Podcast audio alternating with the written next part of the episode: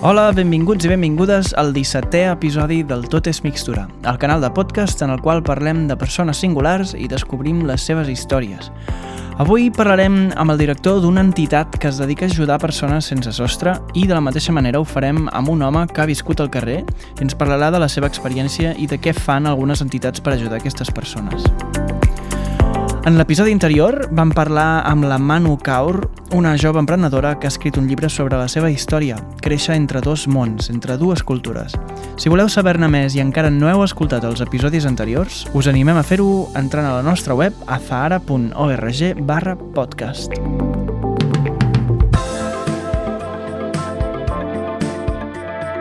Tot és mixtura, un podcast de l'associació Zahara amb el suport de l'Institut Català Internacional per la Pau. Com cada setmana, obrim els micròfons del Tot és Mixtura perquè ens feu arribar les vostres reflexions sobre els diferents temes que tractem als nostres episodis. Podeu enviar-nos un WhatsApp al 657 222 196 amb la vostra nota de veu. Recordeu que ha de ser breu, d'un minut aproximadament. I totes aquelles notes les recollim i les anirem abatent al podcast. Així ho han fet en aquest cas la Laia Teruel i la Carme Fortea.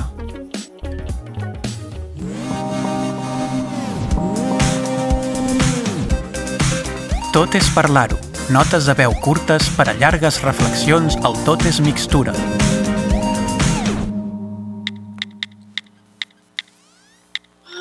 Hola, sóc la Laia Teruel, educadora social i periodista, i quan parlem de sensellarisme, crec que a banda de la resposta més immediata que s'ha de donar a aquestes situacions, que també és necessària, crec que és molt important la dimensió estructural que provoca aquestes situacions d'extrema exclusió i de pobresa, que són molt complexes i que contenen moltes variables.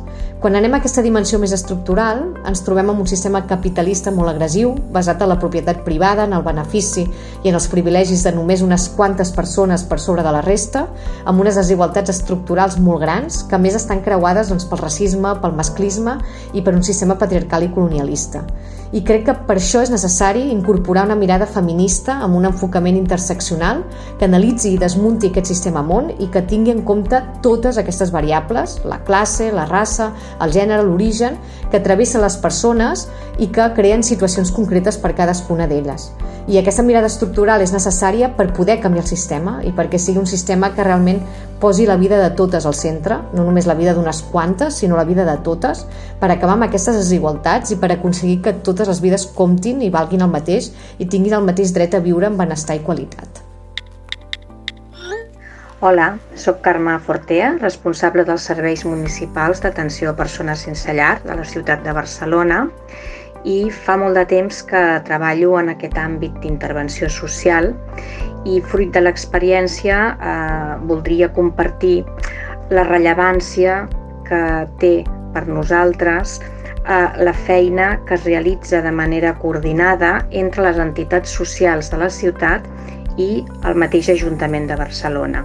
Aquesta feina coordinada es concreta i es materialitza a través d'una xarxa creada, una xarxa d'atenció a persones en situació de sense llar, xarxa que es va crear a l'any 2005, que actualment la configuren 35 entitats més l'Ajuntament de Barcelona i que des de la seva constitució fins a l'actualitat Eh, s'ha anat treballant coordinadament i consensuadament per poder avançar en la detecció de noves necessitats i en la millora dels serveis que ja disposa la ciutat però que calen adequant i millorant i ajustant a les necessitats de la situació en què es troben les persones sense llar.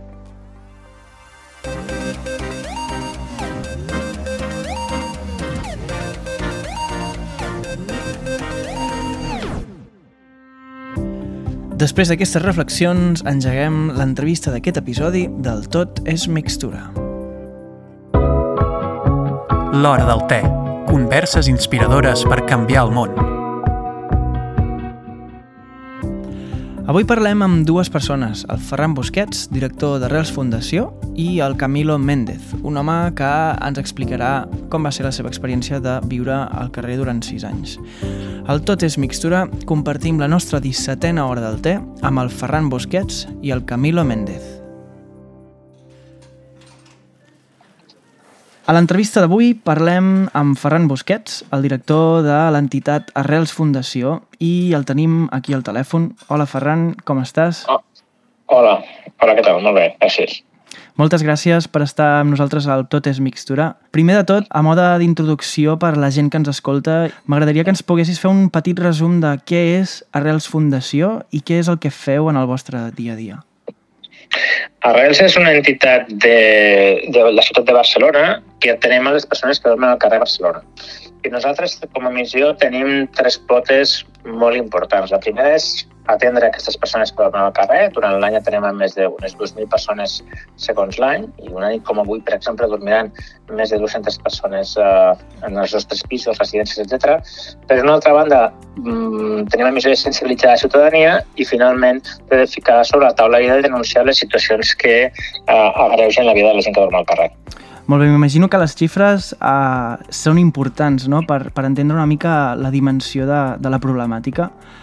Tinc entès que, que dins del que són aquestes línies de treball que, que teniu i que desenvolupeu també dueu a terme tallers, projectes com Homeless Funds, que, que recapten beneficis no, a partir de la cal·ligrafia d'aquestes persones, que després transformeu en tipografia per, doncs això, perquè la, la comprin usuaris o marques. Quins altres projectes destacaries o, o teniu entre mans ara mateix que hagueu fet? Bé, nosaltres eh, el que fem, eh, per exemple, productes com aquest que comentaves tu de Homeless Fonts o Homeless Commons, que és una cosa similar a Homeless Fonts però en fotografia, perquè en fotografia, per exemple, les persones poden eh, també comprar una base de fotografies. El que estem buscant sobretot amb això és eh, arribar a molta més gent. Uh -huh. Més que una font d'ingressos que també, el que per nosaltres és molt important és que la problemàtica de la gent que dormi al carrer arribi absolutament a tothom. Per això eh, us obrim espais diferents, com per exemple eh, ara mateix recentment hi ha una persona que proposa doncs, eh, fer bivacs a, a, a la muntanya amb aportacions a l'entitat, etc etc. En uns moments parlarem amb el Camilo, que és un home que va viure al carrer fa uns anys eh, i ell representa un exemple claríssim no?, de com de valuosa és la vostra feina Quin és aproximadament el procés que seguiu un cop identifiqueu una persona que viu al carrer i que veieu que clarament necessita un cop de mà o necessita ajuda? Bé, tothom que dorm al carrer, eh, nosaltres partim de la premissa de que tothom que dorm al carrer ho fa eh, perquè no té una altra opció. Nosaltres estem convençudíssims que ningú vol dormir al carrer. Una altra cosa és que hi hagi gent que després de molts anys li faci por sortir, que no confien en la proposta que els hi fem. Uh -huh. um, llavors el procés és establir un contacte amb aquesta persona, eh, parlar amb ella i establir sobretot primer de tot és construir una confiança amb aquesta persona, intentar apropar-nos amb ella i que ella tingui algú que confiar. Una persona que ha arribat al carrer és algú que desconfia de tothom o ha perdut la confiança en tothom més aviat perquè tothom li ha fallat. El fet d'arribar al carrer vol dir que absolutament ningú ha pogut comptar amb, no has pogut comptar amb ningú per sortir. Llavors, un cop es construeix aquesta confiança, és anar-li eh, doncs, intentant veure si, eh, si a que sigui el seu moment en què vulgui fer un pas eh, per deixar el carrer. Normalment, si la persona triga més o menys, és més per una situació de por o desconfiança que no perquè no vulgui realment estar al carrer. Ja. I uh, actualment com, com seguiu el procés de, de trobar aquests espais, aquests pisos, aquestes habitacions o, o bueno, el lloc amb sostre, no? Perquè aquestes persones sí, sí. puguin començar a reconstruir la seva vida una mica. Bé, nosaltres el que fem és buscar uh, constantment pisos, estem buscant pisos constantment, els busquem nosaltres com a entitat i després també formem part d'una entitat que agrupa quatre entitats, que és la Fundació Membré, que uh -huh. el que fa és gestionar tot aquest habitatge i el que fem és sempre uh, intentar pues, aprofitar tots els pisos que ens arriben, des de pisos que a vegades estan una mica més a prop del mercat, però sempre intentem sobretot pisos que tinguin una base d'ingressos socials, que tinguin un preu de lloguer sobretot social. Sobretot això, això és molt important no tant pels ingressos, sinó perquè almenys vol dir que al darrere hi ha una persona que li interessa la problemàtica i que per tant aquest pis probablement serà més llarg de... a tota la, la vida d'aquest pis serà més llarga. Doncs ah. això és, aquesta és la nostra base. Per tant, necessitem molts pisos i també necessitem, evidentment, molts recursos.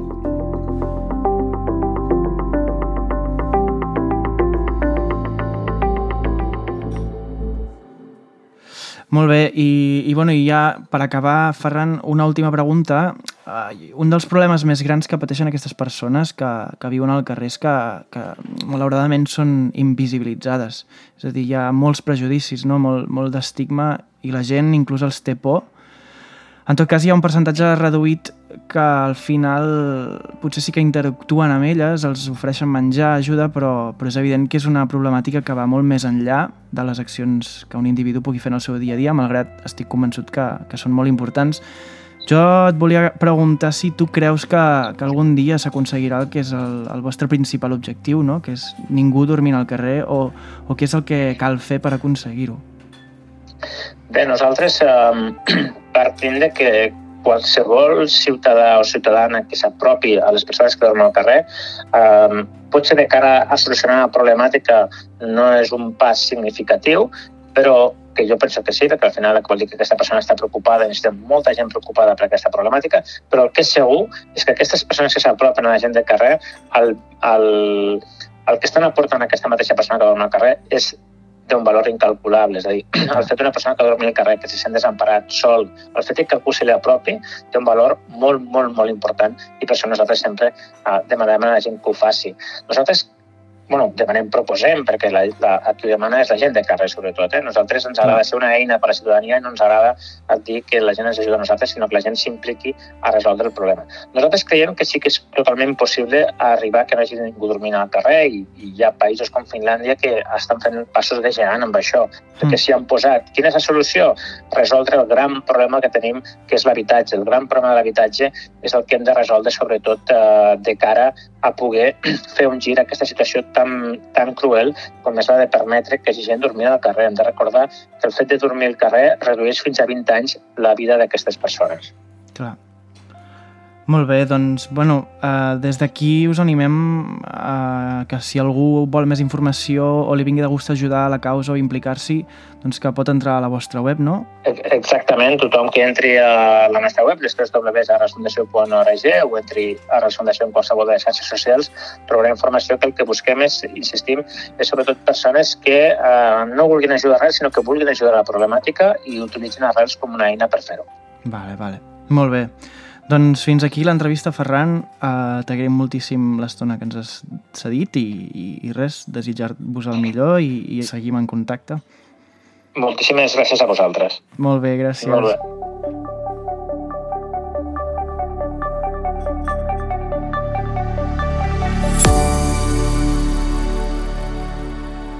I ara parlem amb una altra persona. Aquesta persona és el Camilo, un home que ha viscut al carrer durant 6 anys aproximadament i també el tenim aquí al telèfon.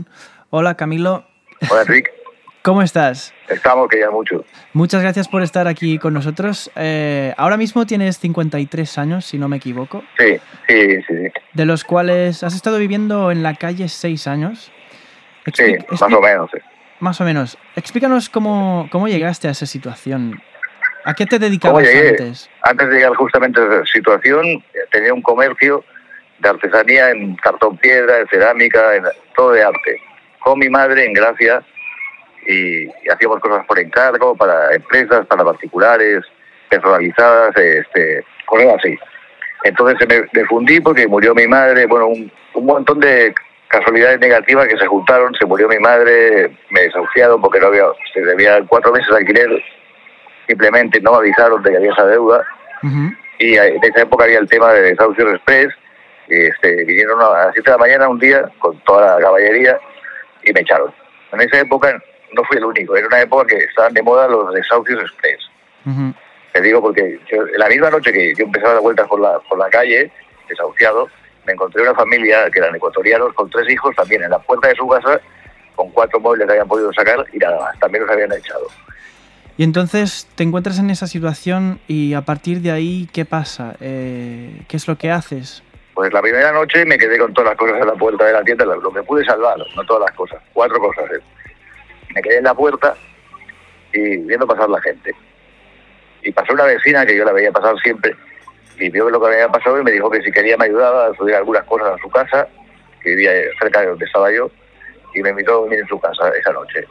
Y bueno, me quedé con ella, guardé las cosas y luego al día me fui al día siguiente y, y me encontré la siguiente noche que no sabía qué hacer. Ya. Directamente en la calle, digo, ¿de ahora qué? tenía lo poco que había salvado en casa de la amiga esta, Ujú. se llama Mónica, y este, bueno, por lo menos estaba contento con tener eso guardado. Y Ya. digo, bueno, ¿qué hago conmigo? Y me encontré en cualquier portal y me puse a dormir. Y a partir de ahí, pues mira, ¿Cómo, cómo, ¿Cómo era tu día a día? ¿O cómo te sentías? Al principio me sentía muy desorientado, como muy perdido y como que ya no tenía nada que perder, porque ya había perdido todo, había perdido a mi madre, no veía a mi hija, me había quedado sin negocio, sin dinero, sin nada. No tenía nada más que perder, entonces me sentía desorientado y no sabía qué hacer. Después, pues te vas adaptando, vas conociendo gente que está en tu situación. Yo me quedé siempre en el mismo barrio, en Gracia, y como ya conocía gente del barrio de toda la vida, pues la gente también me echaba un cable, me ayudaban algunos, otros no. Y el día a día, pues, ya cuando me acostumbré era a la noche procurar otro lugar donde dormir.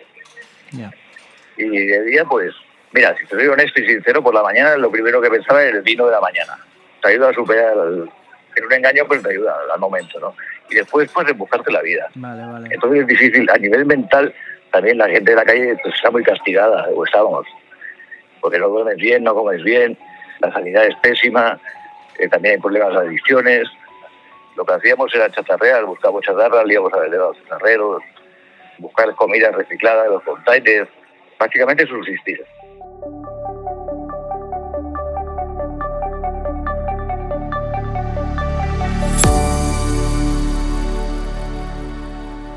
Hay un tema que quería también comentar contigo eh, en este sentido que son los albergues, que hay muchas personas que directamente no quieren ir a los albergues. ¿Cuál es tu experiencia con este tipo de albergues? Que al fin y al cabo tampoco son una solución definitiva, pero la realidad es que hay muchas personas que prefieren dormir en la calle antes que en un albergue. No sé cuál fue tu Por algo, experiencia. por algo será. Por algo será, porque dormir en la calle es muy duro, pero si prefieres dormir en la calle, que es mi caso, a ir a un albergue, por algo será. La- esa pregunta tendréis que hacérsela a, a los albergues o al que paga los albergues o que se ocupa de darles esa, ese servicio que es insuficiente y más que nada le sirve al- a las instituciones para lavarse la cara de que están ayudando a la gente de la calle, pero no. Yo no he ido nunca a un albergue. Fui una vez en la operación frío que hubo aquí en Gracia y habilitaron una iglesia, unos evangelistas para la gente que estaba en Gracia, entonces íbamos a dormir ahí, de un plato de caldo y dormíamos. Y luego nos íbamos. Pero un albergue, por lo que la gente me ha dicho, es que dormir en cama caliente. O sea, que antes que tú vas a dormir tío. Ya. Es un horario que es de 8 a 8. No puedes fumar, no puedes beber. Entonces te dan una habitación, por ejemplo, cuatro o cinco que están al lado tuyo, que, que le roben es lo mínimo que te puede pasar. Ahora hablábamos con Ferran Busquets de la Fundació Arrels y te quería preguntar cómo y cuándo llegó la Fundació eh, en tu vida o, o qué, es, qué es lo que cambió. Yo estaba en una plaza que gracias siempre ¿Mm? y habían dos personas de Arrels, uno que es voluntario que se llama Enrique y otro que es un trabajador que es trabajador itinerante en esa época, o sea que iba captando gente por la calle, Ajá. o viendo a la gente que tenía necesidades. Y entonces Bob siempre venía y hablaba conmigo los dos, los dos. Y bueno, yo tenía frío, ¿no? Por las mañanas. Y el Bob siempre me invitaba a un café. Pero yo lo esperaba porque hablábamos y estaba bien.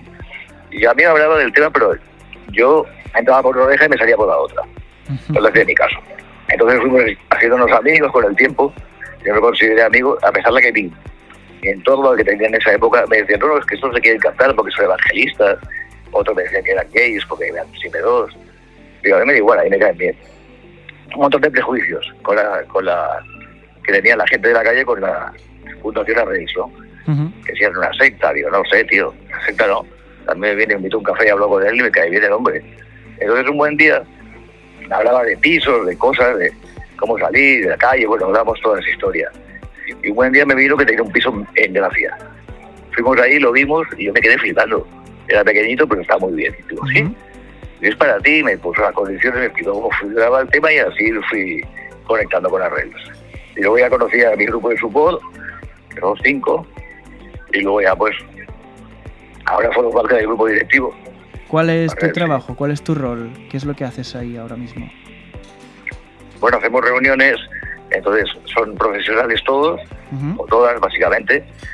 Yo y otra otra persona que también ha estado en mi situación, pues hacemos un poco de, de explicarles, verlas, dar nuestra opinión, porque ellos no tienen la opinión de haber vivido en la calle, pueden haber estudiado, pues lo que quieras, ¿no? Sí, sí. Pero no tienen esa experiencia. Entonces nosotros lo que hacemos es aportar nuestro punto de vista desde nuestra experiencia.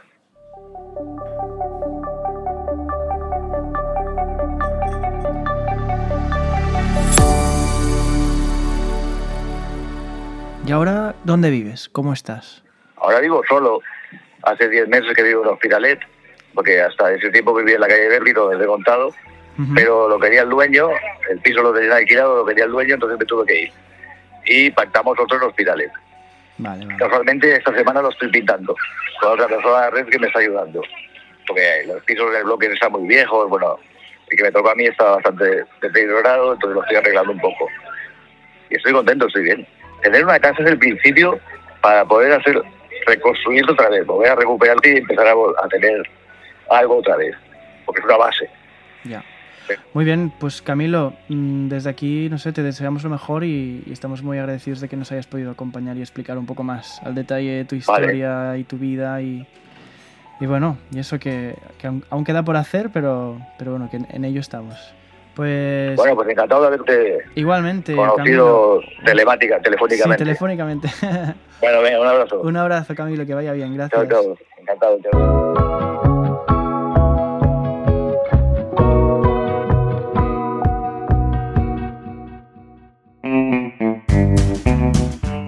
Des d'aquí donem les gràcies al Ferran i al Camilo. Com cada setmana acabarem l'episodi amb una mica de música i en aquest cas ho farem amb una cançó d'una artista brasilenya que es diu Ana Trea, amb una cançó titulada De Onde Vem. De onde vem, de onde vem, de onde vem a beleza, meu bem? De onde vem, de onde vem, de onde vem a beleza, meu bem? Vem da origem de tudo, do grão, da semente, do fruto do mar. Vem da madeira, da terra, da flor, do deserto, do eterno buscar. De onde vem, de onde vem, de onde vem a beleza, meu bem? Vem da alquimia, magia, mistura, harmonia, fusão, criação. Vem do encontro com o corpo, diálogo aberto com o coração. De onde vem, de onde vem, de onde vem a beleza, meu bem? De onde vem, de onde vem, de onde vem a beleza, meu bem? De onde vem?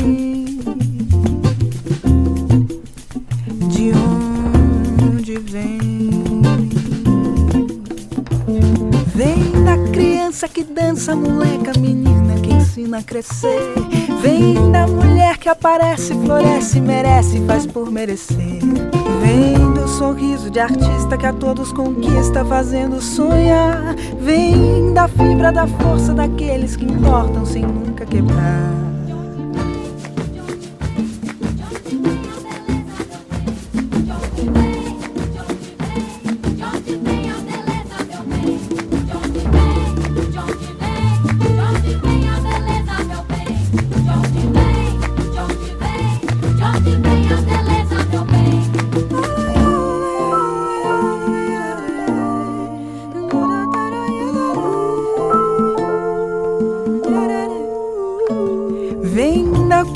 Magia, mistura, harmonia, fusão, criação.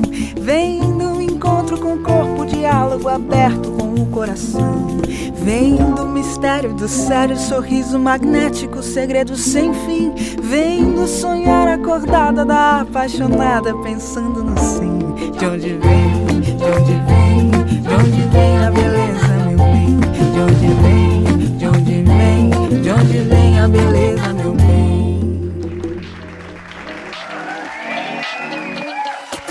I fins aquí l'últim podcast d'aquesta temporada. Ha estat un plaer compartir aquesta estona i sobretot aquests mesos. Des d'aquí vull agrair a totes les persones implicades en fer-ho possible, a tothom qui ens ha ajudat i que ha permès compartir amb totes i totes vosaltres els episodis del Tot és Mixtura, un podcast de l'associació Azahara amb el suport de l'Institut Català Internacional per la Pau. Trobareu tots els episodis a la web de Zahara, azahara.org i a totes les plataformes digitals. Això és tot, moltes gràcies i molta salut.